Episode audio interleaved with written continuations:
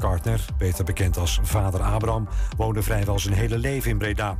Hij had in de jaren 70 grote hits met Het Kleine Café aan de Haven en Het Smurvenlied. Pierre Kartner was 87 jaar. De daden van de roofmoord op een 85-jarige vrouw in Den Haag is in hoger beroep tot een iets lagere straf veroordeeld. Paul O. gaat niet 20, maar 17,5 jaar de cel in. Dat vindt het Hof passender. De man overviel de vrouw in 2017 met veel geweld in haar huis, waarna ze overleed. En nam pinpassen en sieraden mee. En aanhangers van Feyenoord hebben voor een kwart miljoen euro schade aangericht aan het stadion van Sturm Graz in Oostenrijk, meldt Rijnmond. De fans vernielden na het verloren Champions League duel twee weken geleden onder meer wc's en rolluiken. Zeven mensen werden aangehouden. Het weer nog van Weer Online. Vanuit het zuidoosten steeds meer zon, in het noorden nog wolkenvelden. Het is 12 tot 15 graden. Vanavond en vannacht kans op mist. In het weekend veel zon bij maximaal 16 graden. En tot zover het ANP-nieuws. Thema beveiliging staat voor betrokkenheid, adequate optreden en betrouwbaarheid. Waar de concurrent stopt, gaat thema beveiliging net een stap verder. Thema Beveiliging levert alle vormen van beveiliging voor zowel de zakelijke als de particuliere markt. Thema Beveiliging, de beveiligingsorganisatie van het Oosten. Telefoon 053-4800-560 of stuur uw e-mail naar info.themabeveiliging.nl.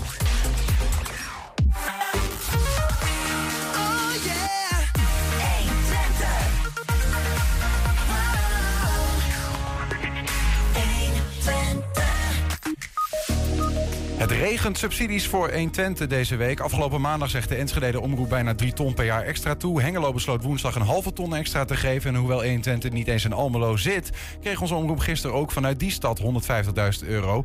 Waar komt dat ineens vandaan?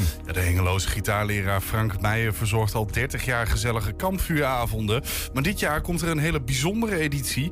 Er wordt namelijk voor het eerst niet buiten muziek gemaakt, maar binnen. Sparta FC Twente vanavond belooft voor één FC Twente-speler... een wel heel bijzondere ontmoeting te worden. En een oranje getinte stelling van de week en een column van Bart Peter Zweem. Dit is vrijdag 11 november en het is 120 vandaag. Het draai ik me gewoon een keer om. Maar mij het uit. 120.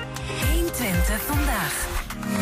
Bij de stichting Ribo leren jonge mensen het vak van restaurateur in de bouw. De theorielessen krijgen ze aan het ROC van Twente in de gieterij in Hengelo. De praktijk leren ze in een oude twikkelboerderij aan de Haarweg tussen Hengelo en Delden. Over een aantal weken start de lang gewenste nieuwbouw daarvan.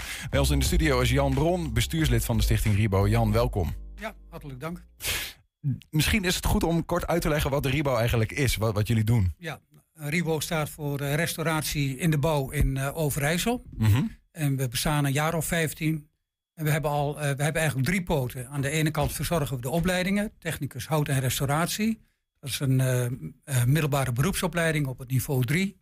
En na drie leerjaren dan hopen we dat de studenten slagen. En het is het oude gilde-principe. Hè, van, je begint het eerste jaar als leerling, het tweede jaar gezel, het derde jaar meester. En dat is technicus, hout en restauratie. restauratie. Ja. ja. En dan moeten ze ook een meesterstuk maken. En dat meesterstuk dat moet voldoen aan allerlei eisen, zoals verschillende houtsoorten gebruiken en verschillende uh, houtconstructies uh, gebruiken. Dus niet het recht, toe, recht aan timmerwerk, dat leren ze niet bij ons. Bij ons leren ze het oude vak mm -hmm. timmeren en restaureren van bijvoorbeeld oude deuren, oude kasten kozijnen. Uh, ze kunnen dus uh, klassieke uh, boerderijen, kunnen onze studenten straks heel mooi restaureren. Dus daar vinden ze ook allemaal werk in. Ja. ze hebben allemaal stagebedrijven, ze wisselen dus gedurende die, die, drie jaar van stagebedrijven en meestal blijven ze aan een van die bedrijven waar ze stage lopen al heel snel plakken. Nou, het, het, oude ambacht, uh, hoor ik er in ieder geval om me heen, wordt steeds uh, gewilder. Ja. Uh, dus de, de, we hebben niet alleen ja. behoefte aan knappe koppen, maar ook de aan gouden, gouden handjes. handen. Ja. ja. en dat leren ze bij ons. Eerder deze week lieten we al een rondleiding bij jullie zien. Misschien goed om gewoon even te, binnen te kijken hoe dat dan gaat. Prima. Dan gaan we eerst even naar het depot, waar de opslag van de materialen liggen. Ja, dit is nu de binnenopslag. Uh, een schuur die vol staat met oude deuren, ramen, glas in lood, uh, planken, ja, noem het maar op. En dit is te klein nu. En de nieuwbouw die geeft ons veel meer ruimte om ook het goed te presenteren. En het staat nu echt overvol. En ja, als je een deur zoekt, dan moet je eerst een aantal deuren aan de kant leggen voordat je erbij kunt. En ja, dat is niet echt handig. Dus we gaan ja, in de nieuwbouw gewoon heel goed de, de voorraad ook sorteren en, eh, en presenteren. Ja, ik zit in het tweede jaar van deze opleiding. En ik ben nu met een bijenstal bezig. Eh, ik loop drie dagen in de week stage en daar leer ik het bouwgedeelte. En ja, hier meer het fijne. Ik ben nu bezig met een pen-en-gatverbinding. We zagen en hoorden studenten Brit Broenink en projectleider Martin Bellers. Eh, wat Martin eigenlijk laat zien is, jullie hebben een ruimtegebrek. Eh, Is dat opgelost in de nieuwe situatie? Ja, in de nieuwe situatie wordt dat opgelost. Hè. Martin liet eh, het depot zien, hè. dat is onze tweede poot. Eh, Particulieren, maar ook bedrijven kunnen bij ons heel veel materialen kopen. Stenen, mooie tegels, eh, dakpannen, deuren zoals je die zag. We hebben van allerlei planken ook. En eh, het materiaal moet ook goed opgeslagen worden. Hè. Dat gaf Martin ook aan. We hebben een ruimtegebrek, dus de nieuwbouw zorgt straks ervoor dus dat we de studenten een, eh, goed de ruimte kunnen bieden voor het uitoefenen van eh, ja, houtbewerkingen. Maar ook dat ze ruimte hebben om dat ergens op te slaan. Eh, we willen ook eh, de theorie in, eh, in ons pand krijgen. Dus niet alleen de praktijkles, maar ook eh, de theorie. Ja. Depot vaak, ja, hout wordt steeds kostbaarder. En dat kun je niet meer in de open lucht laten eh, liggen onder een dekzeiltje. Dus dat willen we graag naar binnen hebben. Dat is allemaal goed voor elkaar in die nieuwe situatie. Ja, en onze derde poot is ook belangrijk. Dat zijn eh, trainingen. Hè, voor, en dat zijn trainingen voor mensen die al werken in de bouw. Mhm. En die verzorgen we of in, in Hengelo, maar ook op locatie. Dus eh, we verzorgen bijvoorbeeld ook cursussen voor bedrijven in, in Friesland. Dus als ze daar een aantal bouwvakkers hebben die nieuwe tech, ja, de technieken van voegen willen leren, zoals dat vroeger ook allemaal gebeurde, dan Ja. zorgen wij daarvoor. En de- de- ik vraag me dat ineens af, dat depot eh, waar je het over hebt... en bijvoorbeeld de klussen die jullie leerlingen doen... eh, dat levert denk ik ook geld op dan. Ja. De, hè, betekent dat dat jullie eh, gel- de middelen die in dat depot staan... verkopen aan de, aan de Ja. bouwers bijvoorbeeld? Ja. En, en waar gaat dat geld dan naartoe? Nou, we hebben natuurlijk ons eigen gebouw. Dat moet je ja, de huur betalen. Hè. We- het is een pachtboerderij van Twinkel, dus eh, we moeten de pachtsom betalen. Ja. Je hebt natuurlijk de energielasten, eh, we hebben personeelslasten. Maar we krijgen ook subsidie eh, van de provincie Overijssel. We krijgen subsidie van de vakbonden, dus voor een opleidingsbudgetten waar de vakbonden over gaan. Mhm. En eh, ja, we halen dus ook geld mee binnen met de dingen die ik net noemde. Ja. En waar komen die materialen die in het depot staan vandaan? Zijn die een soort van winkel, een doorhandelaar? Nee, want vroeger kreeg je dat heel makkelijk binnen, want er moesten sloopvergunningen aangevraagd worden. En dan kreeg je bericht, eh, dan konden we dat volgen. En dan, als we belangstelling hadden, gingen we daar naartoe. Ah, maar nu is het vaak zo dat we tips krijgen van gemeenten. En onze, een van onze bestuursleden is eh, Maurice Bijk. En die werkt bij Rijnsen BV. En daar valt Düsseldorp onder. Dat is een van de grootste sloopbedrijven van Nederland. En als hij iets moois ziet, dan krijgen we een tip. Ja, ja. En, dan slaan jullie het op en dan verkopen jullie het door. Ja, wij moeten betalen.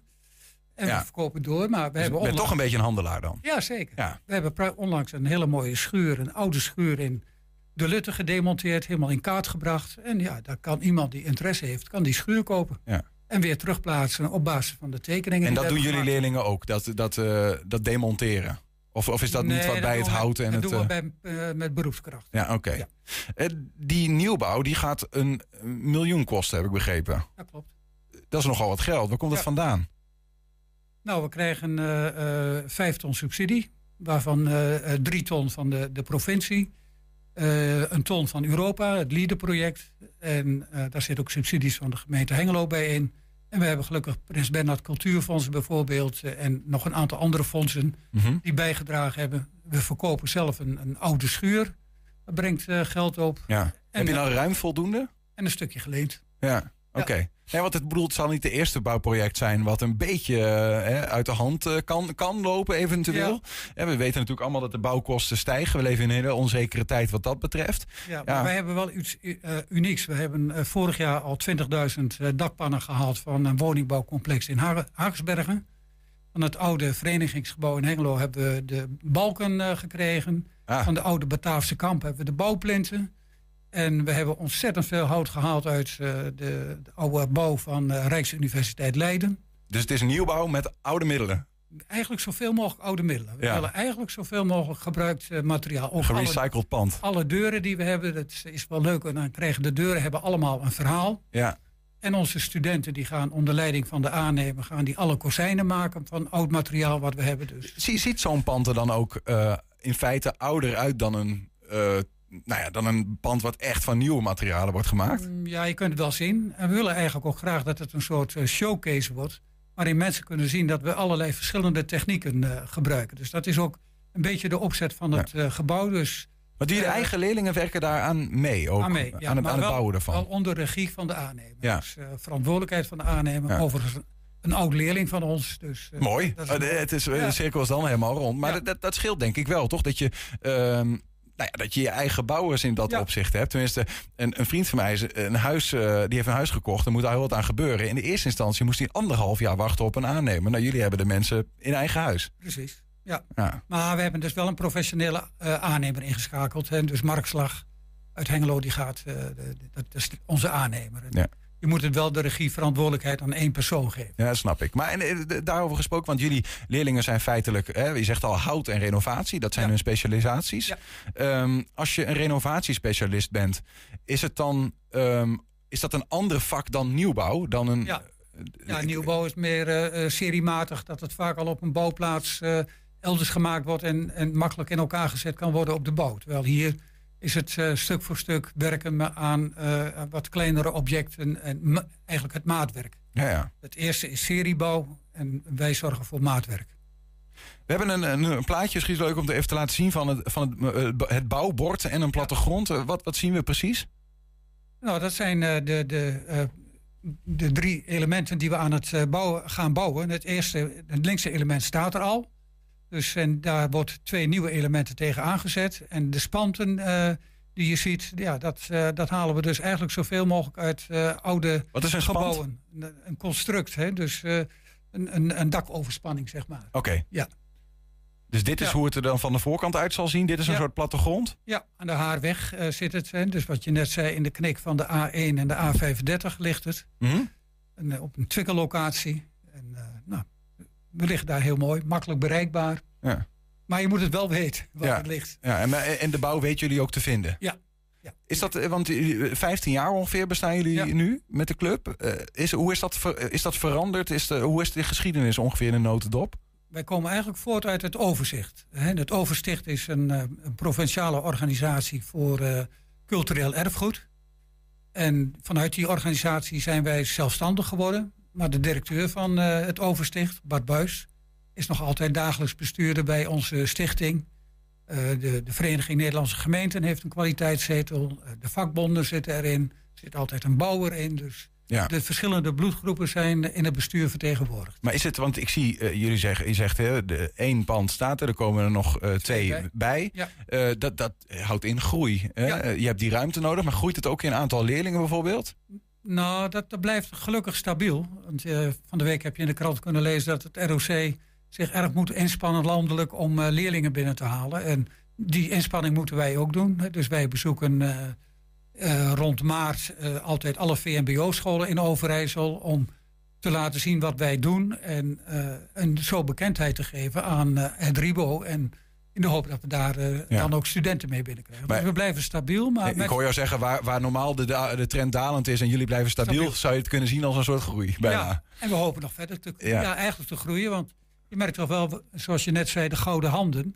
En heel veel eh, eh, jonge mensen, we hebben gelukkig ook de nodige meisjes bij ons in de opleiding. Heel veel jonge mensen willen graag met de handen werken. Hè, dus daar hebben ze ook capaciteiten voor. En er zijn zelfs HBO-studenten die eh, afstromen en die naar ons toe gaan en zeggen van eh, Ik wil gewoon met de handen werken. klauwen eh, Ja, uit de mouwen steken. Ja, precies. Ja, Ja, mooi is dat. ja. Ehm, ja, en de, wat, wat misschien de, jullie rol wel een beetje in de hand werkt, tenminste, dat is dat je toch hoort, renovatie duurzamer dan sloop en nieuwbouw. precies. Ja. Dus ik weet niet. Bij sloop moeten we altijd kijken hoe we de materialen die eruit gehaald worden, er netjes uithalen om te kijken of we het eh, weer kunnen gebruiken. Mhm. Alle panden die, die- wat je daar ziet, al het hout dat nu gebruikt gaat worden, dat, daar komt geen spijker in. En is over 100 jaar, als ze zeggen we gaan het afbreken, dan is al het hout wat erin gebruikt is weer opnieuw te gebruiken. Ja. Dus jullie, dit- een, duurzaam. een gouden, gouden toekomst voor eh, we. het Ribo. We, Eh, eh, ja. wie, wie weet eh, moet je over eh, een eh, korte tijd alweer op zoek naar meer eh, ver- vergroting. Is, is, is dat een beetje, zou dat, eh, is, dat, is dat de wens of is het meer van, nou, weet je, als we het maar goed hebben met elkaar? Zo is dat. Ja. Wanneer gaat het starten, de nieuwbouw? Eh, ik hoop binnen een paar weken. En wanneer moet het klaar zijn? Nou, ook, ook daar zit enige hoop in. Eh, we hopen dat rond uh, de, de, start van het komend schooljaar dat dat klaar is. Of althans een deel uh, gebruikt kan gaan worden. Kijk, ja. we gaan het volgen. Jan Brom, dankjewel voor je uitleg hier en je enthousiasme over de gouden handen in de bouw. Ja, zometeen de hengeloze gitaarleraar Frank Meijer verzorgt al 30 jaar gezellige kampvuuravonden. Maar dit jaar komt er een hele bijzondere editie. Er wordt namelijk voor het eerst niet buiten muziek gemaakt, maar binnen. En goed om te weten, we zijn ook als podcast te vinden. Je vindt hele uitzendingen op alle bekende platforms via de titel 120 Vandaag. En als je zoekt op 120 Vandaag uitgelicht, dan krijg je iedere dag, als je abonneert, gewoon iedere dag één item uitgelicht. 120. 120 Vandaag. Ja, de uitwedstrijd tegen Sparta vanavond is voor FC Twente het laatste duel voor de winterstop. Ja, dat gegeven zou het duel een beetje speciaal kunnen maken. Maar voor één FC Twente-speler is het echt een bijzondere wedstrijd. Sam Stein staat recht tegenover zijn vader Maurice Stijn, hoofdtrainer van de Rotterdammers. Sparta Twente is ook uh, Stijn versus Stijn. Dan kan ik vragen of dit speciaal voor je is. Maar kun je uitleggen hoe dat voor jou is? Ja, dat is speciaal natuurlijk. Uh, ja, uh, tegen mijn vader, uh, ja, ik heb eerst ja, altijd onder, onder hem gespeeld. En nee, dat wordt wel heel speciaal. Omdat we ook een speciale band hebben, wordt dit een mooie wedstrijd. Hoe gaat dat er, nou misschien al, al wel iets langer dan alleen deze week. Ik denk dat het al, hoe meer deze datum dichterbij komt, dat het een beetje begint rond te zingen. Hoe gaat dat eraan toe in, in familiekringen, vriendenkringen om jullie heen? Ja, iedereen komt ook naar de wedstrijd. Uh, iedereen heeft het erover. Uh, we gaan daarna ook mijn verjaardag vieren, want ik ben daarna ook nog eens jarig. Dus dat, is ook, uh, ja, dat komt er ook nog eens mooi bij. Nee, toen, toen het speelschema bekend werd, toen was dat de eerste wedstrijd waarnaar ik gekeken heb, zeker. Ook nog je verjaardag, ja. Dat kan dus een hele leuke verjaardag worden, maar dat kan ook anders uitpakken. Ja, maar we gaan ervan uit dat het een mooie verjaardag wordt, toch? Voor ons dan. Ja, dan lijkt het me uh, wel logisch wie jij hoopt dat er wint. En het lijkt me ook heel logisch uh, wie jouw vader hoopt dat er wint. Maar ik vroeg me dus af, hoe zit dat met jouw moeder, jouw zusje? Jouw vader uh, heeft net, zag ik in een interview gezegd, dat ze allemaal voor jou zijn. Klopt dat? Ja, nee, dat klopt. Die zijn ook echt allemaal voor mij. er was net toevallig in de familie-app zag ik het interview dat ik met mijn vader had gehad in de krant. Dat werd doorgestuurd van eentje, een van de twee is zagrijnig op het feestje. En toen schreef iedereen schreef eronder Maurice, Maurice, Maurice. Dus nee, dus dat, iedereen is voor, voor Twente.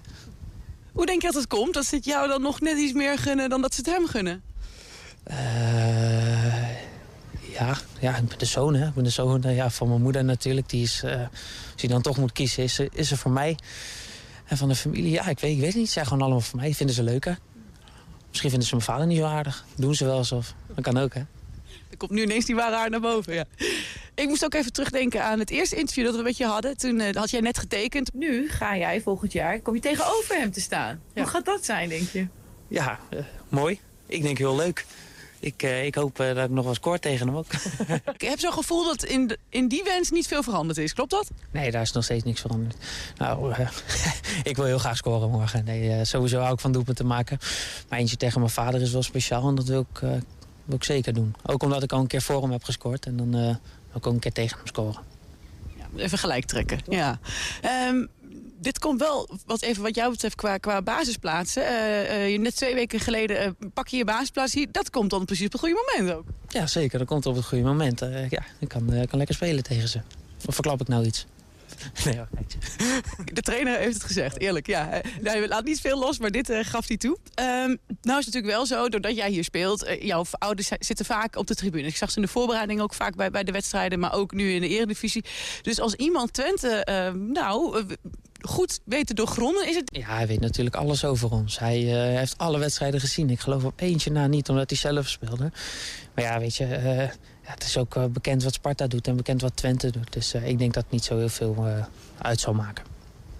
Wat denk jij, hè, als je een beetje in je vaders hoofd moet kruipen... wat denk je dan dat hij als strategie zou gebruiken tegen dit FC Twente? Poeh, uh, ja, ik denk dat ze gewoon van eigen, van eigen kracht uit zullen gaan. En dat ze spelen natuurlijk thuis. Dus dat ze vol, uh, vol op de aanval willen spelen. En ook uh, ons onder druk willen zetten. Dat denk ik wel. Het is niet alleen natuurlijk dan een beetje zo die strijdvader en zo. Maar ze zitten jullie ook op de hielen. Dus voor jullie als, als ploeg, zien jullie ze ook wat dat betreft... denk ik van, oeh, ze hijgen ons in de nek? Eh, ja, ze komen wel dichtbij nu. Volgens mij scheelt het maar drie punten. Dus ze kunnen op gelijk aantal punten komen. Dus eh, nee, het, eh, ik had het niet verwacht dat ze het zo goed zouden doen. Wel gehoopt, stiekem. Maar nee, eh, wij moeten er gewoon zes punten van maken morgen. Ja, zometeen de klankkast Marie, dat nu in het zorgcentrum de posten in Enschede te bezoeken is, brengt streektaal helemaal weer tot leven voor Enschedese ouderen. 120. 120 vandaag. De Hengeloze gitaarleraar Frank Meijer verzorgt al 30 jaar gezellige kampvuuravonden... waarbij gezongen wordt met zoveel mogelijk gitaren als begeleiding. Uh, op vrijdag 25 november wordt er voor het eerst niet in de open lucht gemusiceerd... maar binnen in de grote zaal van poppodium Metropool. Die wordt omgetoverd tot een waar kampvuurparadijs... met krukken, zitzakken, sterrendoek en spiegelbol. Ik ben benieuwd of er ook vuur bij komt. We gaan het hem vragen. Frank Meijer is bij ons aangeschoven met... Ukulele. Met ukulele. Woehoe. Is dat gitaar en ukuleles gaan goed samen, dat, dat, dat volk? Als je in de juiste toonhoogte speelt en de boel, en de boel mooi stemt, dan komt dat uh, helemaal goed voor maar elkaar. Het is niet dat ze elkaar de tent uitvechten, de ukulele-aanhangers en de gitaar-aanhangers? Nee, nee, nee, nee, nee. Ik denk dat de gitaristen ook uh, in de overhands uh, zullen zijn. Ja, dat denk ja, ik ook, ja. Zeker ja. Um, ik ben benieuwd of je er zo meteen nog een demonstratie wil geven. Lijkt me leuk. Maar uh, laten we beginnen even bij, wat is toch wel opmerkelijk. Jullie gaan uh, in de grote zaal van uh, Metropool iets doen. Hoe, ja. hoe, wat gaat er gebeuren? Nou ja, we doen dus, wat je al zei, heel lang al die kampvuuravonden. En ik doe ook al heel lang uh, leerlingenfestivals. Dat noemen we dan Frankpop in Metropool. Dus ik, ik heb al een goede ingang. Uh, ik, ik, kom er vaker, zal ik maar zeggen. Mm -hmm. En uh, rond september, toen we de outdoor versie van, de, van de avond hielden... was het slecht weer voorspeld. Maar goed, contact opgenomen met Metropool. Van jongens, kan ik bij jullie vluchten? stel dat. Ah, daar komen we wel uit. Was niet nodig. We hebben heerlijk in de open lucht gemusiceerd. Groot succes in september. Maar ja, toen kwamen de weken daarna toch Metropool bij me terug. Zo van, goh, we hebben eigenlijk uh, wel een vrijdagavond eind november. Uh, heb je nog zin om wat leuks te doen? En toen dacht ik, op mijn kalender kijkend... hey, 1992 is de eerste keer dat ik ermee begon. Goh, wat zou dat toch leuk zijn om een jaar af te sluiten... en een, uh, het drie decennia af te sluiten met die avond, maar dan binnen. Ja. Waarom niet? Dat, het, het, maar het is goed, het, het, heet natuurlijk uiteindelijk een kampvuuravond. Hè? Ja, de, de, de, kampvuur, de Campfire Experience. Dan. Ja, ja, nou ja, goed, want ik neem aan dat dat, dat, dat er niet wordt. Uh, dat denk ik ook niet. Nee, maar je hebt hele mooie lampjes natuurlijk. En dus we maken daar een heel gezellige opstelling van met takjes en lampjes en dingen. En ja. de lichttechnici van Metropool gaan natuurlijk uh, met een sterrendoek aan de gang. Ja, ja, ja, en we precies. laten uh, lamptechnisch de zon ondergaan.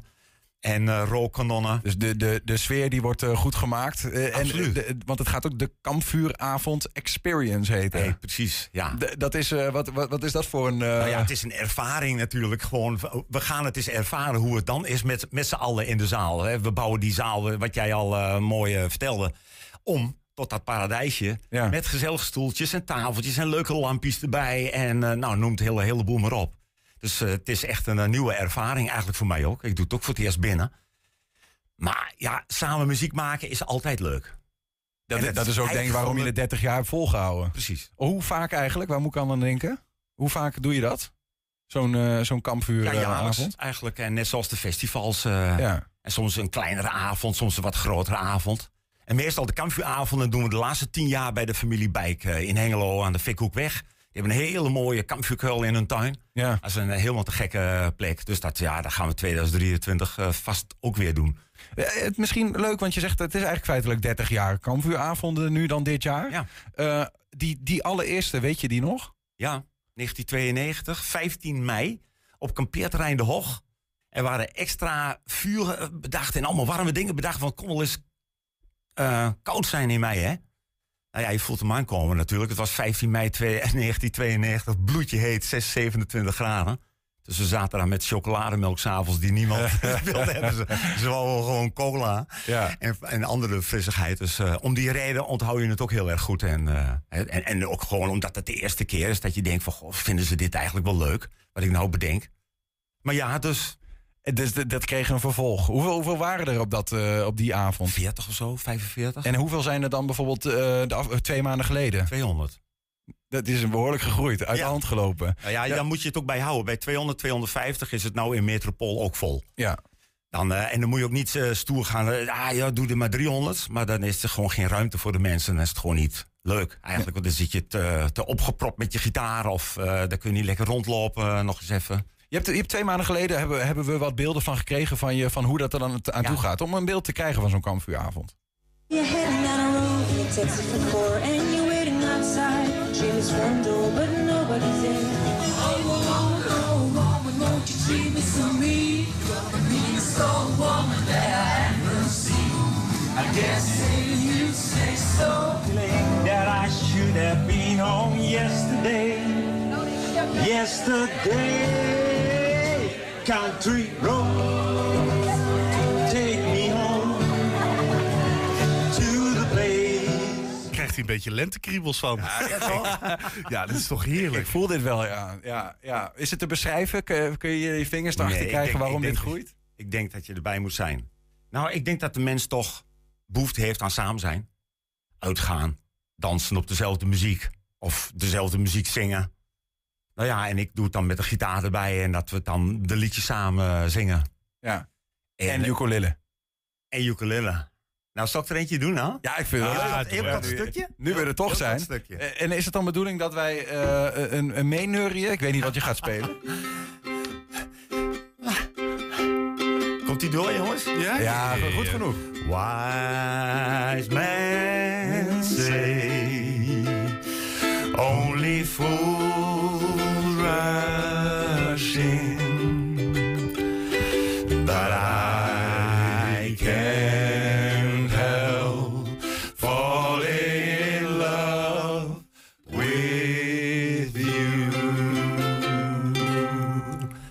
Mooi zeg. Nou, Ja, dit dus, fantastisch. dit dus. Heerlijk. Ja, ik, ja, misschien kunnen we er zo nog eentje aan. Maar laten we eerst. Je hebt er nu zin in, Ja, hè? dit, eh, dit voelt goed zo op de vrijdagmiddag. Het, eh, is het ehm, een bepaald slagvolk wat bij je komt eh, op die kampvuuravonden? Alles, alles. Ik, eh, ik vraag niet naar politieke bewegingen, voorkeuren of wat dan ook. Er zijn gewoon mensen die muziek leuk vinden. Of hun kind op les hebben zitten en met de hele familie komen. En dat komt overal en nog ergens vandaan. En dat varieert ook per jaar weer de groepsamenstelling. Maar er zit wel een eh, groep eh fanatieke, zo'n mannetje of honderd. Die, eh, die zitten komen altijd, altijd. wel. Ja, die zitten er altijd. Ja. Ja. De oudste deelnemer? De oudste deelnemer, de laatste keer was de oudste deelnemer 74. ja, en de jongste, nou ja, die echt de gitaar vast kan houden met We Will Rock You, zeg maar. Even met, een met een 1 minuut akkoordje ehm, spelen. Dat, eh, dan heb je het over acht jaar. Maar is dat belangrijk trouwens? Speelt, komt iedereen die komt, komt met een snaarinstrument? Of Nee, is dat niet per Nee, se... nee. eh, Nee, het is gekoppeld natuurlijk aan je leerlingen of bekende oud-leerlingen of liefhebbers. mhm. En die mogen vrienden en vriendinnen of de hele familie meenemen. Ja, zolang, eh, zolang de zaal plek heeft. eh. Ja. Maar, maar het is Want zeg ik, heb maar... niet, ik heb niet 200 leerlingen. Maar het is zeg maar ook dat er een drankje bij gedronken wordt... en dat je aan het eind van de avond ook, ook gewoon lallende mensen... die gewoon alleen maar meezingen tussen hebt zitten. Nou, dat lallen, dat, dat hoop ik dan ook maar weer in de maat en zuiver. Ze mogen best heel vrolijk worden aan het eind van de avond. Als het maar niet in het vuur eindigt. Hè? Ja, Dat- nee, dat is ook wel weer waar. Nee, nee, nee, nee, nee. Nee, maar ja, goed, de bar van Metropool van de zaal is gewoon open.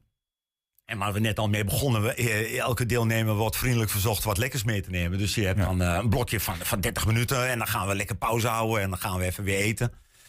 Maar ik bedoel, je moet ook weer niet eh, te veel reclame maken hier, hoor ik. Want, eh, want, want er, zijn, er is maar beperkt plek. En als die groep die we net daar zagen in Metropool is, is het klaar, toch? Dan zit het vol.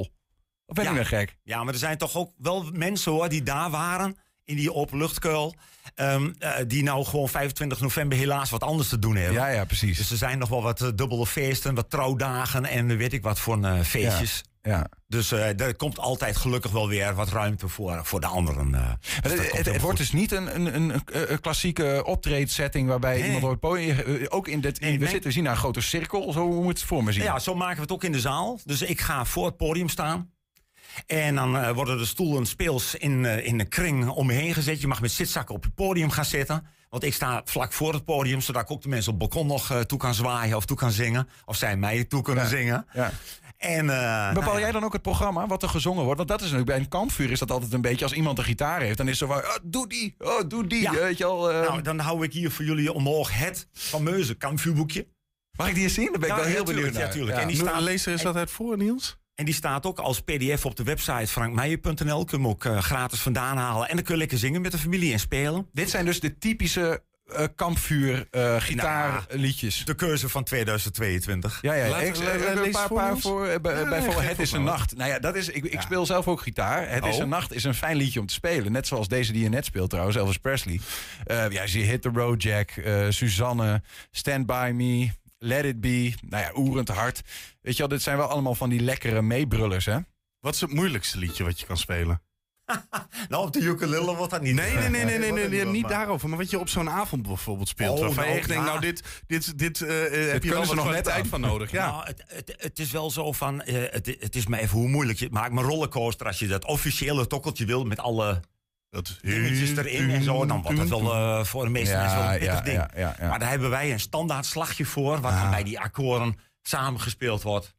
En weet je, je moet niet meespelen. Er zijn dus heel veel mensen die spelen met één liedje mee. Anderen spelen met ander liedje mee. De derde pakt zijn gitaar gauw na twee liedjes in. En die denkt, nou, ik, eh, ik ben erbij, ik zing wel. ik haal bier. Is, is, is, is het ook zo dat, dat dan zeg maar, het muziek leren ook een beetje hier naar boven komt? Dat je zegt van, ah, pak dit eventjes zo vast of pak dit eventjes.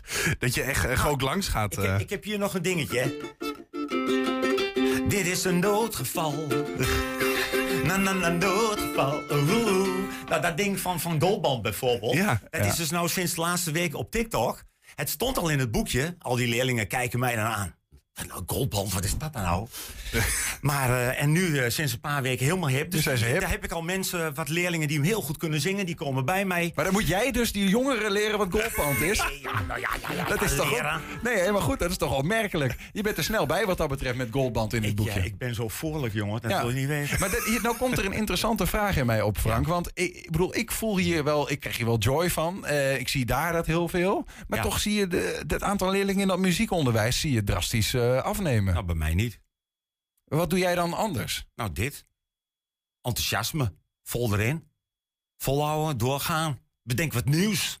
Doe wat. Eh, dit is een beetje Pipi Langkous wat ik eigenlijk ook ga doen. Zo van, ik heb het nog nooit gedaan. Dus ik denk dat ik het wel kan. Ja. En dat draag ik mijn leerlingen ook altijd. oh, dat vertel ik ze heel duidelijk zo van. Maak nou maar fouten. Want eh, door fouten leer je. En na de fout wordt het steeds mooier. Maar je gaat niet in één keer zomaar mooi spelen. Je moet wel eerst durven. Doen. Ja. En ik zie, knoeien. ik zie ook in de, schelden gooien met je gitaar. Ja, gebeurt dat? Tijdens de kampvuuravonden? Is er wel eens één in het vuur geëindigd? Nee, nee, nee. Oh. Ja, maar gewoon voor de, voor de gein. Dat kan Ja, toch? voor de gein. Ja. Een oude gitaar, ja, hupsakee. Dat doet me, doet me wel pijn hoor. Voor Ja, is het zo? Oh. Ja. Hm. Hey, ik, als ik zo door het boekje blader, dan zie ik wel eh, dat die, die, die liedjes die hierin staan, hebben allemaal, met een uitzondering van enige, allemaal toch een, een makkelijk eh, akkoordenpatroon. Hè? Dat is, is dat nodig voor een goed kampvuurlied? Dat het gewoon lekker makkelijk mee te spelen is, makkelijk mee te zingen? Als je wil met elkaar dat je wil samen zingen, moet het bekend zijn. Ja. Enige bekendheid hebben. En om mee te kunnen spelen moet je dan natuurlijk niet Bohemian Rhapsody erin gaan zetten van Queen. Want dat ding heeft 20 akkoorden. Ja, dan, dan is er misschien 1, 2, 3, 4 vinden dat nog grappig. Maar de rest zit je echt aan te kijken. Ja, zo van, ja. nou, we zingen wel. Ja. En dat mag natuurlijk altijd. Maar daarom zijn liedjes als Blinding Lights ook leuk en zo. Ze zijn bekend, ze zijn hip en ze zijn niet zo verschrikkelijk moeilijk. We gaan het eh, eh, meemaken, de, de, mooi. kampvuuravond experience. Hè? Wanneer is het? 25 november, vrijdagavond in de grote zaal van Metropool te Hengelo. Ja, en er zijn nog kaarten. En er zijn nog kaarten, online of bij mij. Ik ga kijken. Hartstikke Of mooi. ik, of ik een gaatje in mijn agenda heb. Het lijkt me wel mooi. Ja, Prachtig. Frank. Meijer, dankjewel voor, Ja, je, voor je enthousiasme hier aan tafel. Graag gedaan. Ja, zometeen een nieuwe stelling van de week. Met deze week een oranje stelling. Ik boycott het WK. 120. 120 vandaag. Jij, Ik krijg hier gewoon even een plektrum nog hè, van de kampvuuravond. Dat is toch mooi? Dit is ongelooflijk. Ja. Eh, Ja, ja. Ik zit even... ja, er wordt ook gitaarspelen voor jou dan, Julian. Ja, nee, ja, ik denk dat ik me daaraan moet overgeven, Ja, eh, Niels. absoluut. En anders zi- zing ik toch gewoon lekker een robbertje mee. Jij gaat maar eens muziek maken, ja. Dat is goed voor je Ik ontwikkeling. heb het triangel aan mijn bureau hangen. Maakt ook niet uit. Het wordt wel heel Dit is oprecht ook geen grap, maar Ja, dat, ja, dat leg ik nog wel een keer uit. Voor, eh, Ja, wat, dat hoef je niet uit te leggen hoor. Dat is wel duidelijk voor de mensen dat jij de triangel bespeelt. Dus. Dankjewel. Eh, Dan beginnen we gewoon even opnieuw. 120. 120 vandaag. Heb ik een rood hoofd? Ja, hè? Ja, voor ouderen in een verzorgingstehuis blijkt het horen van de eigen streektaal een heel positief effect te hebben. Ja, dat blijkt niet alleen uit wetenschappelijk onderzoek, maar ook uit de ervaringen van de ouderen zelf. De klankkast Marie, dat nu in het zorgcentrum De Post in Enschede te bezoeken is, brengt die streektaal helemaal weer tot leven. Ik hoop dat ze wat beter is. Ja, dat hoop ik toch. Verheur.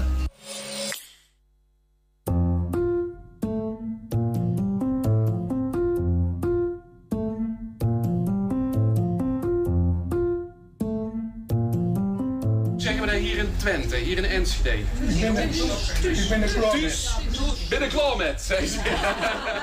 Marie is een denkbeeldig persoon.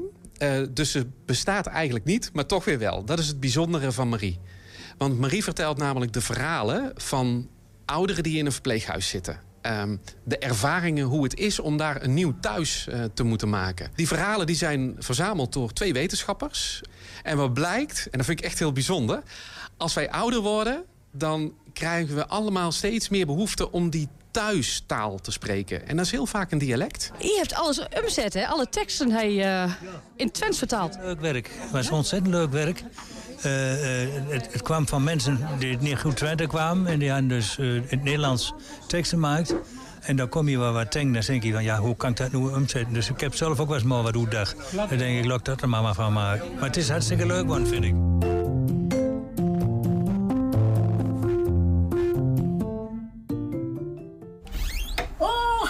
Met. Ja, dat vraagt zo'n godshaastelijke dag.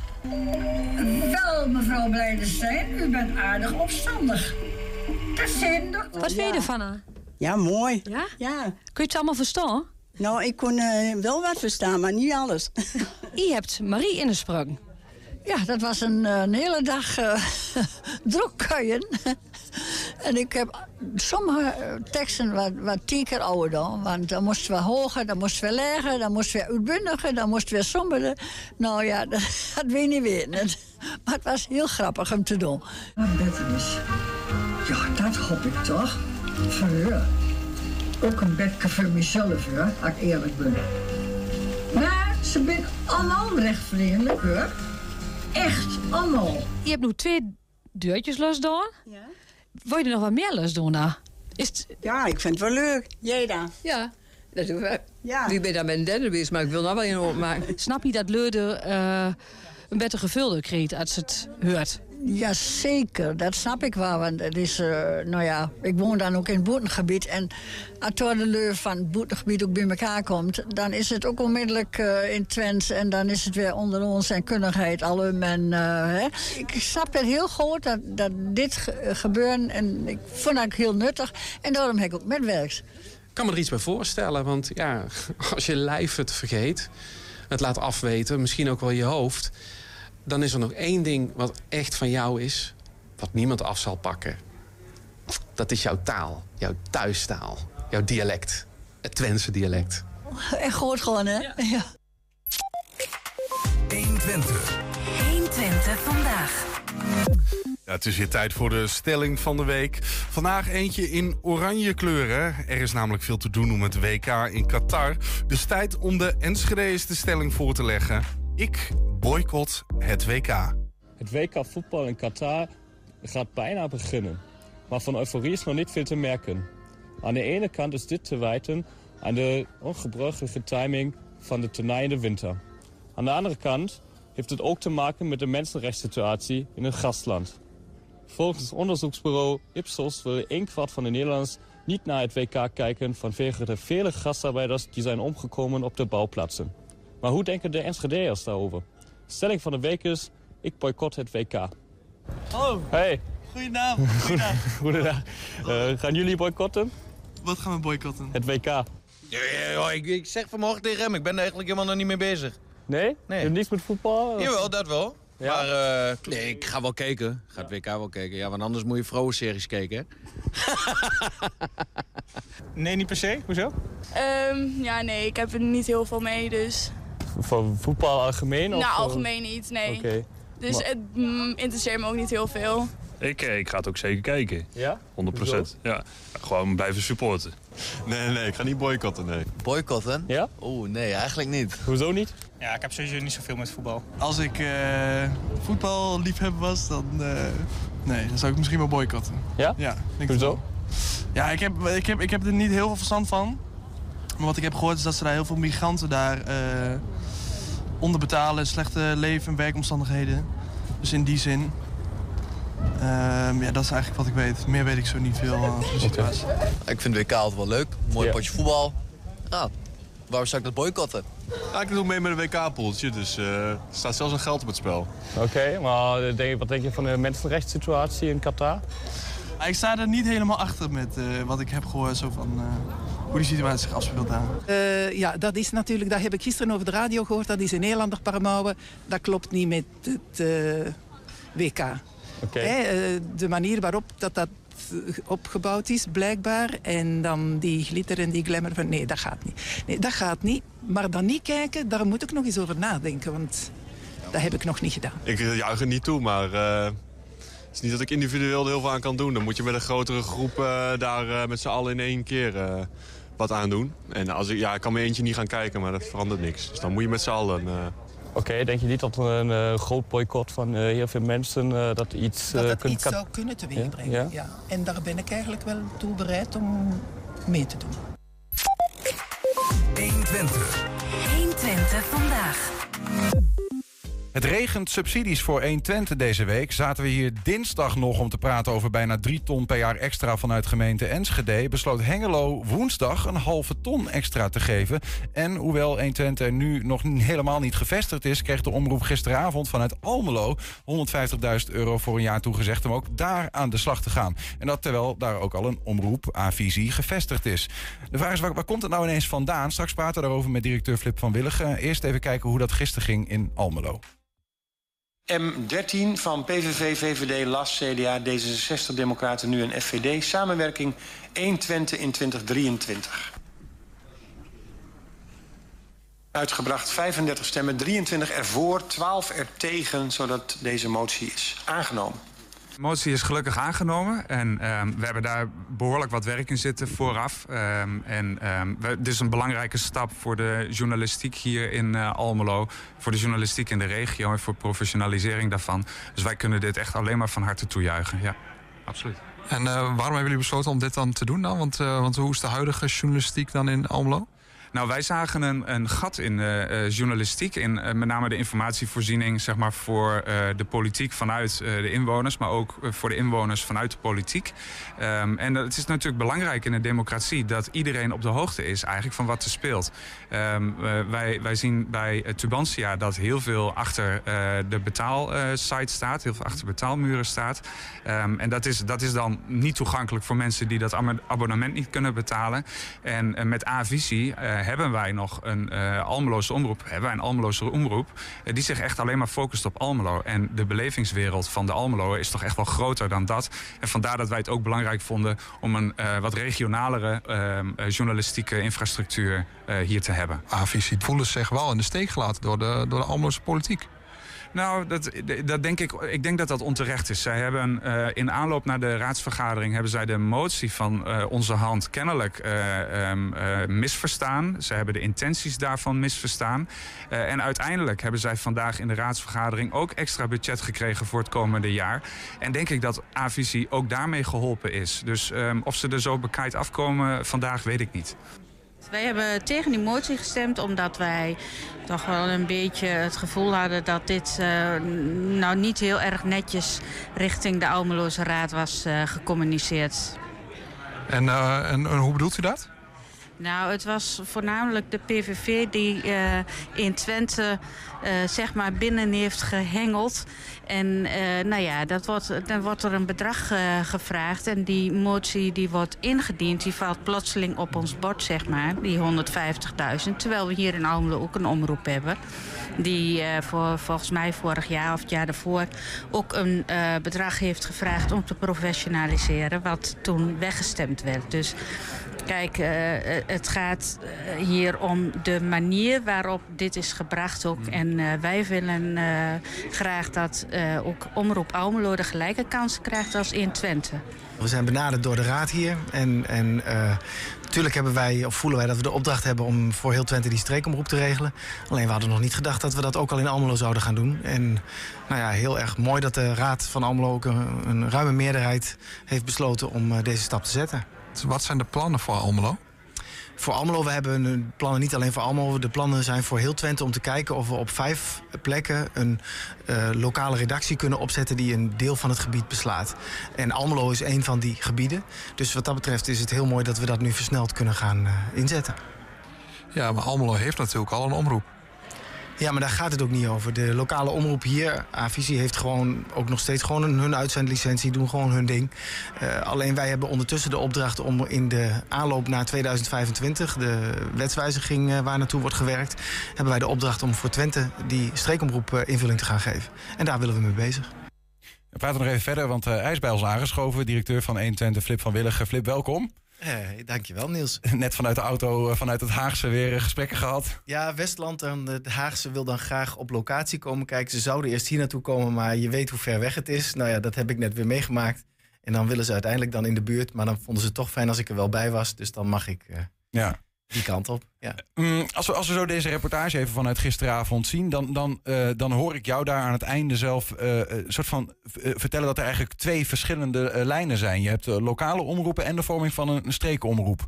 En die lopen dus bijvoorbeeld in Almelo nu een soort van tegelijkertijd op. Moet ik het dan zo eh, zien?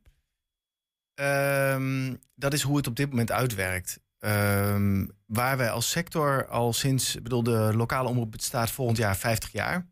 En ehm, in die 50 jaar hebben we gezegd: Goh, we zien dat we een drielaags bestel in Nederland hebben. Je hebt landelijke omroepen, je hebt omroepen die de provincie doen en je hebt omroepen die het lokaal doen. Nou, dat lijkt allemaal heel logisch en we staan allemaal in de mediawet. Het enige is dat ze bij de eerste en de tweede laag hebben ze gezegd: Goh, dit is jullie taak. En daar hoort dan, als je die taak goed wil doen, hoort dit geld daarbij. Maar bij die derde laag hebben ze gezegd: eh, ja, dit is jullie taak. Maar dat geldt, nou, dat is ongeveer, hier krijg je wat en, en, en, en doe maar wat, weet je wel. Ja. Dus toen hebben wij gezegd, wij willen dat professionaliseren. Dat willen we al 50 jaar. Eh, eh, alleen blijkt dan, als je dat gaat omrekenen... en daarom zijn we daar ongeveer zo'n 10, 12 jaar geleden mee gestopt... om het op die manier aan te pakken. Als je dat gaat omrekenen, is eigenlijk de hele mediabegroting ongeveer nodig... om al die verschillende lokale omroepen professioneel te maken. Dus dat is een, een, een, een niet een reële situatie. Kun je wel willen, je kunt ook zeggen het is heel belangrijk... maar dat gaat niet gebeuren. Dus hebben wij gezegd, moeten we een andere eh, oplossing verzinnen. En de enige oplossing die er dan is, is dat je een stukje gaat indikken. Dat je dus eigenlijk gaat kijken, hoe kun je nu wat grotere, eh, eh, een stukje schaalvergroting toepassen... om toch die professionalisering te kunnen hebben. En eh, dus hebben we gezegd, in, in overleg met alle eh, stakeholders... alle partijen die erbij betrokken zijn... in overleg met alle gemeentes, de, alle omroepen... hebben we gezamenlijk gezegd... we gaan naar een streekomroepenkaart... die bestaat uit maximaal zo'n 80 eh, eh, omroepen. En die, die streekomroepenkaart hebben we dus met elkaar vastgesteld. Ook allemaal met onze sectororganisatie. Iedereen heeft daar zijn plasje over kunnen doen. Iedereen heeft er kunnen zeggen: Goh, ik zie toch wat anders. Eh, eh, dat is allemaal gedaan. En uiteindelijk ligt die streekomroepenkaart er nu. En daar zijn we nu mee bezig om naar een wetswijziging in 2025. Dus dus al een proces van nu al van meer dan tien jaar. Ja. eh, zijn we dat nu aan het invullen. Ja. En, en daardoor krijg je dus nu dat, dat voor een deel hebben mensen nog de licentie zoals die nu ook is. Dat zijn de lokale uitz- uitzendlicenties? En, en nu zijn we dus in het kijken in, in, in Den Haag, bedoel, van hoe gaan we nu de vervolgstappen doen? Want dan moet er dus een soort licentie gaan komen voor een streek. Nou, dat, daar, daar wordt nu over nagedacht. Die wetswijziging is in 2025. Nou, daar hebben we dus nog een heleboel werk voor te doen. En in de aanloop daar naartoe eh, eh, eh, krijg je dus dit soort processen die langs elkaar aangaan en of samen gaan of niet. Ik, probeer het even eh, te begrijpen wat je zegt. Hè? Dus ik, eh, er zijn nu, eh, elke gemeente heeft een, een lokale omroep. Of in ieder geval... eh, Grootste heeft deel, ja. Een grootste deel. En dat betekent dat ze een tv-zender en een FM-frequentie hebben op de radio. Dus ze hebben, de, de- dat heet dan de must carry. Dus in principe hebben die omroepen de mogelijkheid om dat te doen. Niet elke omroep maakt er gebruik van. Maar in principe staat er in de mediawet dat je alle relevante kanalen moet bedienen. Nou, daar kunnen we nog een hele discussie over voeren. Maar dus in principe hebben al die omroepen een mogelijkheid op de kabel eh, om wat te doen op televisie. Ja. En ze hebben de mogelijkheid om eh, op radio wat te doen in de ether. En Mhm. ze hebben de mogelijkheid om online wat te doen. En daar komt een bedragje bij, eh, wat, wat een, mi- een minimaal, wettelijk minimaal is. En sommige gemeenten geven meer. En, en daarvoor he- he- hebben die lokale omroepen die hebben de opdracht om een bepaalde, bepaald nieuws, zeg maar, aan een bepaald nieuwsaanbod te voldoen. Dat lukt al 50 jaar niet met het bedrag wat ze hebben. Dus nu wordt er gezegd. Eh, is er een plan ge- eh, geïnitieerd, eigenlijk vanuit de lokale omroepen, Vanuit als nou, sector zelf, ja. als we nou een streken gaan vormen en Ja. een soort van toch meer samen gaan optrekken, dan kunnen we misschien efficiënter werken. Ja. En dan kunnen we met, eh, nou ja, met minder middelen kunnen we toch nog iets meer dat nieuwsaanbod bereiken. En toen is het Rijk heeft gezegd, ah, als dit het plan is, dan zien wij daar misschien wel meer hel in. En krijgen jullie daar ook meer geld voor om dat zo te vormen. Juist. En dat geld gaat dus ook niet komen vanuit het Rijk voor de individuele omroepen. Dat geld gaat er komen dus voor die streken. Ja. En dus wie werpt zich dan op als die eh, eh, partij in zo'n streek om dat te gaan doen? Ja. Nou, dat is daar waar nu eh, wij ons dat voor Twente hebben gedaan. En samen ook met de, de partij met wie we het samen doen, Noordoost-Twente. Mhm. Ehm, samen hebben wij gezegd, wij gaan invulling geven aan de streek Twente. Ja. Nummer 18 geloof ik op de kaart. Ja. En de- de- maar dit zou dus praktisch kunnen betekenen, dat is nog niet zeker hoor ik jou zeggen, maar dat vanaf 2025 dat, dat omroepland er in die zin anders uitzien. Dat, dat die lokale omroepen die dan nog een eigen tv- en een FM-frequentie hebben, dat die, die dan of vanaf dan, dat er wordt gezegd, die, gaan die gaan verdwijnen. En er komt één licentie voor de hele streek. Dat is in principe het plan van onze sector zelf wat we hebben neergelegd. Ja. En nu is het aan ons om of dat in samenwerking met de verschillende omroepen die overal zijn. Kijk, de, de, de, verwarring die er voor een deel nog in zit, is dat de omroep die nu ergens zit, is niet degene. Het, het is nooit gekoppeld aan individuele mensen of aan individuele mensen die er invulling aan geven. Er ligt een licentie om in een bepaald gebied een, een bepaalde taakopdracht uit te voeren. Ja. Dus de verwarring die er ook vaak zit, is van: goh, ik, wil de, eh, eh, ik vind bijvoorbeeld eh, lokale omroepen niet goed, dus ik ga er iets anders naast zetten, zeggen sommige gemeentes. We gaan een fonds oprichten, want de omroep functioneert niet. Nee, dan zeg ik: de omroep functioneert niet. Dan moet je zorgen dat er een andere omroep, andere mensen invulling gaan geven aan die taakopdracht. En dat is hetzelfde wat we hier nu zien. Je ziet een verschuiving dus van. Eh, puur lokaal naar die streek. Mhm. En de wens is om dat te doen met zoveel mogelijk mensen die daar al eh, hart en ziel al eh, jaren aan hebben gegeven. Mooi, Ja. te gek. Ja. Maar als dat niet is, dan wil dat niet zeggen dat het moet blijven met die mensen die het doen, zeg je? Nou ja, want hier zit natuurlijk een beetje. ehm, eh, 120 bestond ooit uit bijvoorbeeld ook Almelo, Haaksbergen, Borne zaten erbij. Nu hebben we nog Enschede en Hengelo. Ehm, die, die andere spelers zijn weggegaan omdat ze zeggen: ja, wij, wij vinden onze. ehm, wij vinden eigenlijk onze stem te weinig terug in het geheel. Hè. Enschede eh, vormt een soort van centrale redactie en die overruled eh, beslissingen. Eh, en daar, ja, dan houden wij dus onze lokale eigenheid niet. Ehm, dat is ook een beetje de angst die nu... Want nu heeft eigenlijk Almelo gezegd van... Nou ja, 120, eh je krijgt gewoon 150.000 euro. Kijk eens wat je hier een jaar kunt doen. Maar A-Visie krijgt ook geld. En kijk eens of je samen kunt optrekken. Ja. Nou, daar geloven zij niet in, zeggen ze. Horen wij in de media. Ja, we horen het in de media, dus ik hoor het ook nog uiteindelijk van hunzelf graag. Maar dat kan zijn. Eh, eh, eh, voor mij gaat het erom, want als je het dus hebt over waarom dat in het verleden niet werkte, is dat je daar dus ziet dat zowel Enschede als Hengelo waren geprofessionaliseerd. De anderen deden het alleen maar met vrijwilligers. En daar zie je dus dan ook dat de scheefgroei ontstaat. Als, als hier mensen bezig zijn dagelijks en anderen zeggen van ja, nou, ik wil daar volgende week wel een keer wat over zeggen, terwijl wij nu een besluit moeten nemen om deze uitzending te maken, bijvoorbeeld Ja. dan kun je daar niet een week op gaan wachten. En dat betekent dus dat je veel meer gelijk moet schakelen. Daarom dus ook die streekomroepvorming. En dat we daar dat plan hebben gemaakt met die verschillende redacties. Waardoor we wel vinden dat op deze manier ook Almelo geborgd is. Ja. De, ehm, ik, ik zoek ook nog even naar van... eh, laten we even 2025 op de zaken een beetje vooruitlopen. Ja. Dan hoor ik jou zeggen, dan, dan bestaat eh, wat 1 Twente betreft... Hè, eh, bestaat dus Twente uit eh 1 Twente, in ieder geval uit vijf deelredacties in, in heel Twente. Ja. D- dat zijn op, wel, op welke plekken zitten die dan? Eh, Almelo, Hengelo, Enschede, Noordoost-Twente en eh, West-Twente, Zuidwest-Twente, Regenstreek, hoe je het ook wil noemen, eh, Ja. die kant. En, en hoe verhoudt zich dan ehm, die lokale omroep tot, Mhm. tot, dat, tot, tot, tot die streek, zeg maar? En wat ik hoorde, komt geld voor de streekomroep. Mhm. En, maar er is ook nog geld vanuit de gemeente voor lokale nieuwsvoorziening. Ja, dat hangt er dus een beetje vanaf of die licentie op die manier ook wordt ingericht. Het Ja. kan dus gewoon zijn dat er zometeen een licentie voor de streek komt. Dat heeft een beetje met financiering te maken. De, een, een deel van de financiering op dit moment komt eh, vanuit Binnenlandse Zaken naar het gemeentefonds en vanuit het gemeentefonds eh, naar de omroepen toe. Ja. Eh, ehm, wij hebben gezegd, eh, eh, als sector dan eventjes... en ik sta daar dus ook vanuit 120 helemaal achter... Dat, dat ik het belangrijk vind dat je met die gemeentes in gesprek blijft. Omdat ik zie dat het medialandschap zo in verandering nog bezig is de hele tijd... dat je met elkaar over moet praten van hoe, wat vinden wij van belang... hoe die journalistieke infrastructuur voor de inwoners van het gebied is. Ehm, dus eh, eh, eh, is die duale bekostiging, als die licentie zo meteen komt voor toch de streek, Ja. dan kan het zo zijn dus dat als wij die zouden krijgen als 120, dat wij vanuit al die gemeentes via het gemeentefonds geld krijgen om die basisinformatievoorziening te doen. En dat we daarnaast vragen aan gemeentes, wij willen graag die deelredacties opzetten, maar daar hebben we extra bekostiging voor nodig. Mhm. En als ze dan dus niet die extra bekostiging doen, die hebben wij nu gesteld op 2,5 euro per inwoner. Eh Enschede heeft gezegd dat gaan we structureel doen. Eh, nou ja, Almelo doet het dus nu, eh, Hengelo doet het nu voor een kortere periode. Als dat dus eh, eh, eh, gebeurt, kun je ermee aan de gang. Als ze dat niet doen, dan krijg je dus dat we zeggen, bijvoorbeeld, ik noem maar wat. Stel dat Enschede, nou laten we Hengelo nemen. Hengelo zegt we doen het niet meer. Dan krijg je dus op een bepaald moment dat er eh, geen deelredactie daar meer aanwezig is. En dat we alleen maar eh, vanuit die centrale redactie kunnen kijken... is het nieuws uit Hengelo nu zo belangrijk voor de hele streek... dat we dat kunnen oppakken. En dan moet er dus iemand vanuit die, deel, eh, vanuit die centrale redactie... eh, dat nieuws op gaan halen. En dat is dus een beetje het schipperen waar je komt... waarbij je het liefste zou willen dat je al die verschillende gemeentes zou kunnen blijven bedienen... met individuele omroepen en individuele redacties. Maar dat is gewoon niet haalbaar. Ja. Eh, Nu is het de situatie dat je ehm, eh, bijvoorbeeld in Almelo dat ze zeggen van nou ja, wij, wij, wij eh, dan horen we de PVV meneer zeggen die de motie indienen. Wij willen graag dat er in Almelo eh, wat regionaler ook wordt gekeken. Ehm, nou ja, daar, daar krijgt eh, 120 wat, eh, geld voor.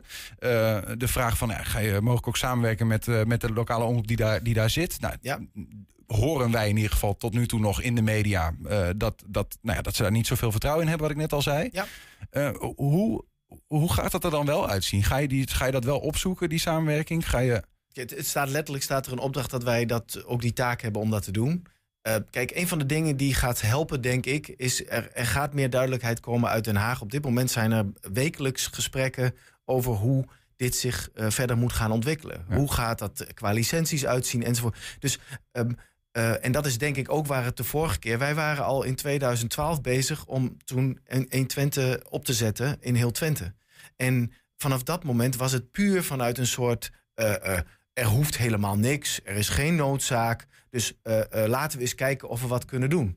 Terwijl ik op dat moment al heel erg die noodzaak voelde. Ja. Maar de rest dat niet voelde. En ik denk als nu zometeen duidelijk wordt... jongens, die licenties die houden op per... eh, nou ja, in ieder geval, ze kunnen ze nooit intrekken, maar dan zullen ze uitdoven. Stel dus dat jij eh, je licentie nog hebt aangevraagd. eh, stel nu net, je hebt vanochtend je licentie gekregen. Dan duurt die nog vijf jaar, maar daarna wordt die niet meer verlengd. Want vanaf dat moment is het de streekomroep. Ja. Dan weet je, mijn bestaan van deze omroep individueel is gewoon eindig. Dus als ik nog wat wil, dan moet ik in ieder geval mij gaan verhouden. En, en, en daar moeten we een beetje af van de gedachte. ehm, eh, eh, heel veel mensen vinden dat eh, vervelend en, en, en, en zielig of verdrietig voor, voor de vrijwilligers die zich er jaren voor hebben, hebben ingezet. En dat snap ik. Alleen de taakopdracht die wij hebben als, als, als omroep heeft niet te maken met dat wij met een me- groep mensen met media leuke dingen aan het doen zijn. We hebben een, een verantwoordelijkheid uiteindelijk in die mediawet om te zorgen dat we ook een controlerend omgaan zijn van de macht. Dus dat is een hele andere taak.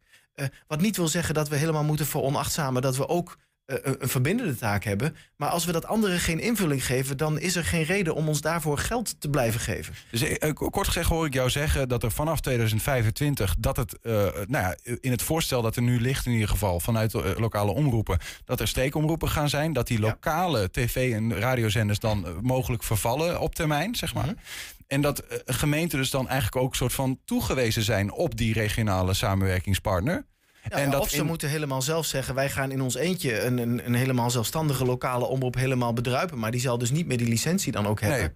Dus de, de, dan krijg je wel bijzondere situaties, ja. Ja, en dat is, ik, ja, dat, dat moet ik eigenlijk niet aan jou vragen, ik beter, maar dat, dat is dan de, want je ziet in, zowel in Enschede wat extra geld, maar dus ook in de Hengelo en je ziet dus Almelo die zich zelf dan meldt bij ons, Ja. van die, die zien die ontwikkeling voor zich en, en, en stappen daarin ook alvast vooruit van ja, we moeten iets met die regionale samenwerking, maar dat zal toch op termijn gaan gebeuren. Ja, en plus wat daarbij ook ziet, eh, ik, met iedereen die ik spreek, of het nou eh, politici zijn of gewoon mensen eh, gewoon op straat, iedereen merkt dat die lokale journalistieke infrastructuur verschaalt. Er is steeds meer aandacht alleen maar voor de incidenten en steeds minder voor de context van dingen. Van, van hoe zitten dingen nou met elkaar, hoe hangt het samen? Dus wat is voor mij van belang? Kijk, een incident is heel leuk om even, goh, wat heb je vandaag gehoord? Nou, leuk dit, oh. Maar de belangrijke dingen, daar zou meer tijd en aandacht voor moeten zijn. En dat tijd en geld is er gewoon te weinig in de journalistiek, lokaal gezien. Ik heb nog één eh, vraag over, over Hengelo. Want die, eh, maandag, of nee, dinsdag zat je hier al even om over Enschede te praten.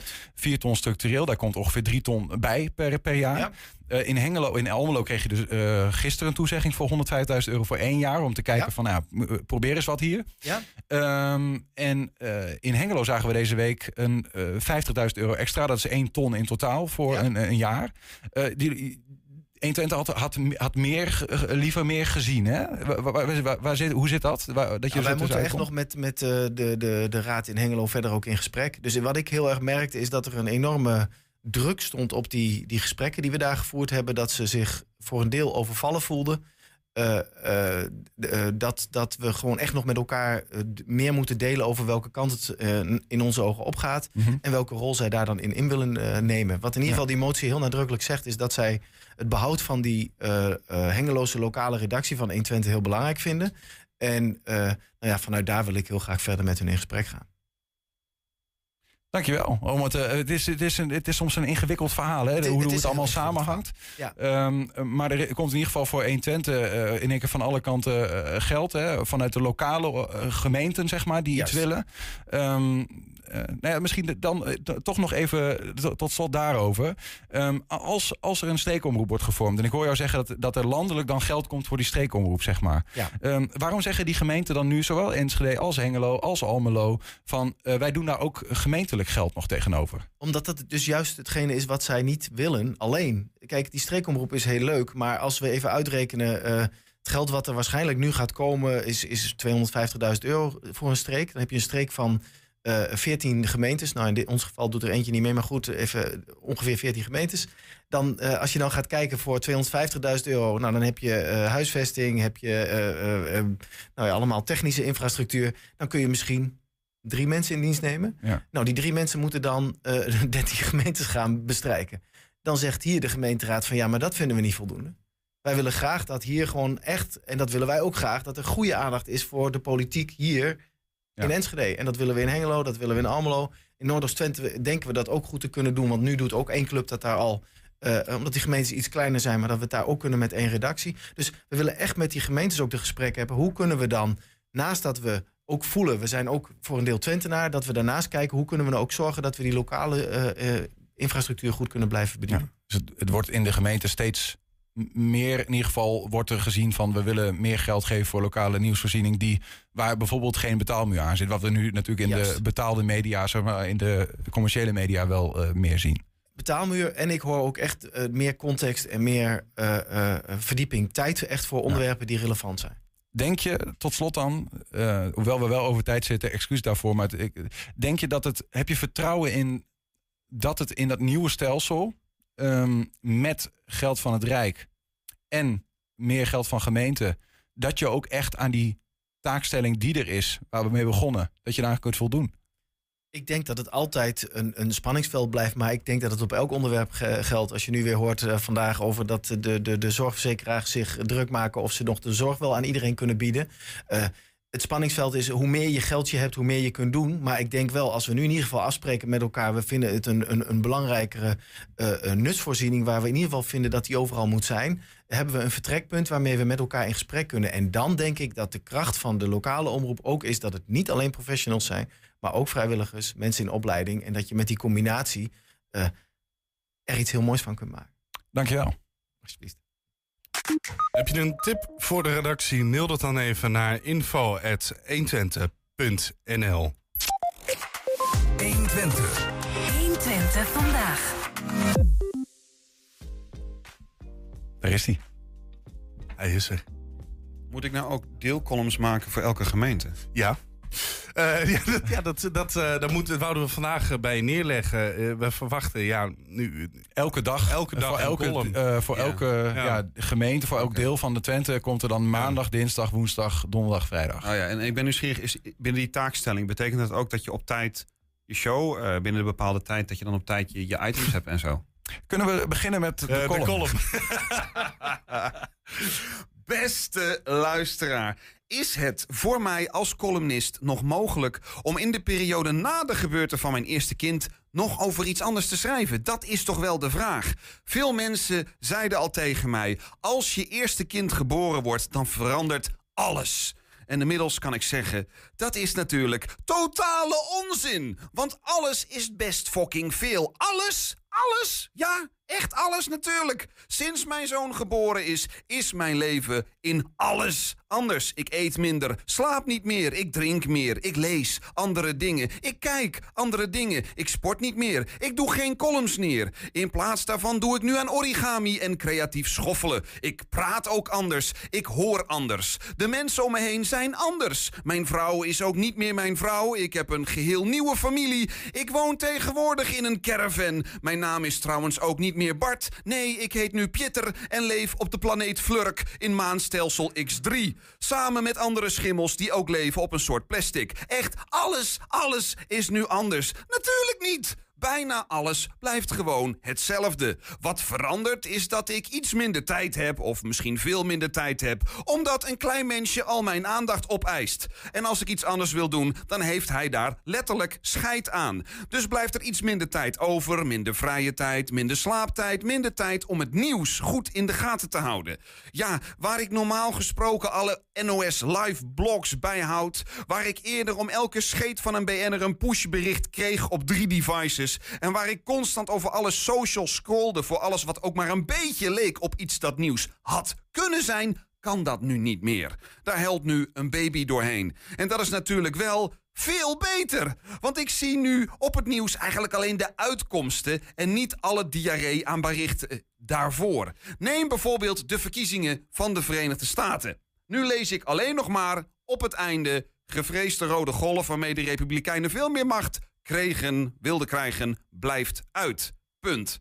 Geen analyses vooraf, geen scenario's, wat er eventueel had kunnen gebeuren. Nee, alleen het nieuwsbericht. Oh, nou, dat viel eigenlijk best mee. Dat is toch een veel beter bericht. Nieuws valt mee. Het enige wat ik hoef te doen was even te wachten. Of ander nieuws waar ik dan alleen de uitkomst van zag. Kabinet gaat gemeente betalen voor opvang asielzoekers. Dus geen ellenlange vooruitblik op kabinetcrisis. Geen berichten over kan de VVD-fractie wel over worden gehaald. Zit Rutte in de putten? Nee, gewoon alleen. We laten de gemeente verdienen aan asielzoekers. In de hoop dat ze ze dan allemaal willen opvangen. Er wordt niet verplicht, er wordt betaald. Dus maakte u, u zich zorgen. Dan valt het allemaal best wel mee. Geen idee of ze genoeg betalen om het aantrekkelijk te maken. Maar dat zien we vanzelf wel weer. Met een beetje tijd valt het nieuws best mee. Zo hoop ik nu elke keer dat ik het nieuws bekijk... dat we met z'n allen weer een klein beetje zijn opgeschoten. Dat er iets is gebeurd terwijl ik druk was met een klein mannetje... die niet eens weet wat nieuws is. Eh, niet dat ik te veel verwacht hoor. Want als ik verwacht dat alles ineens anders is... dan zal dat uiteindelijk waarschijnlijk wel anders zijn. Daarom blijven we ook even lekker gewoon om 7 over 5 die uitzendingen afsluiten. Beetje rust tussendoor voor Bart is ook wel fijn, hè? Tot zover ook Eten vandaag. Vanavond om 8 en 10 uur op televisie te zien. Zometeen hier op deze zender. Julian Vriend. Vrijdag is voor je vrienden. Nee, een uurtje non-stop. Ook veel plezier daarmee. 120. Weet wat er speelt in Twente. Met nu het nieuws van 5 uur. Goedemiddag, ik ben Peter van Oudheusden. BN'ers prijzen Pierre Cartner, die op 87-jarige leeftijd is overleden. Zanger Frans Duits noemt hem een grootheid voor de Nederlandstalige muziek. Ook John de Bever heeft veel respect voor hem. Henk Westbroek hoopt dat ze in de hemel kleine cafés aan de haven voor vader Abraham hebben. Jochem Meijer gaat vanavond een biertje smurven.